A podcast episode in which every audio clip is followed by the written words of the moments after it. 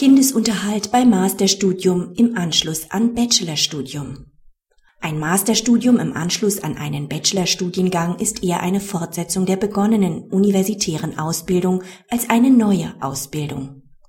Der Vater beabsichtigt, gegen einen Kindesunterhaltstitel vorzugehen und beantragt Verfahrenskostenhilfe. Das Kind hat einen Bachelorstudiengang absolviert und ist derzeit im gleichen Studiengang für ein Masterstudium immatrikuliert.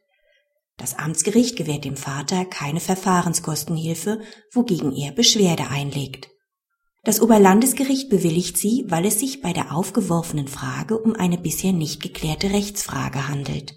Das Oberlandesgericht tendiert allerdings dazu, ein Masterstudium als Fortsetzung des Studiums zu sehen. Schließlich gingen die Universitäten im Rahmen des Bologna-Prozesses davon aus, dass zwei Drittel bis 90 Prozent der Bachelor-Absolventen einen Masterstudiengang anhängen würden.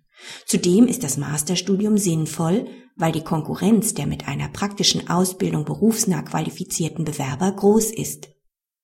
Praxishinweis. In der Literatur werden derzeit beide Ansichten vertreten.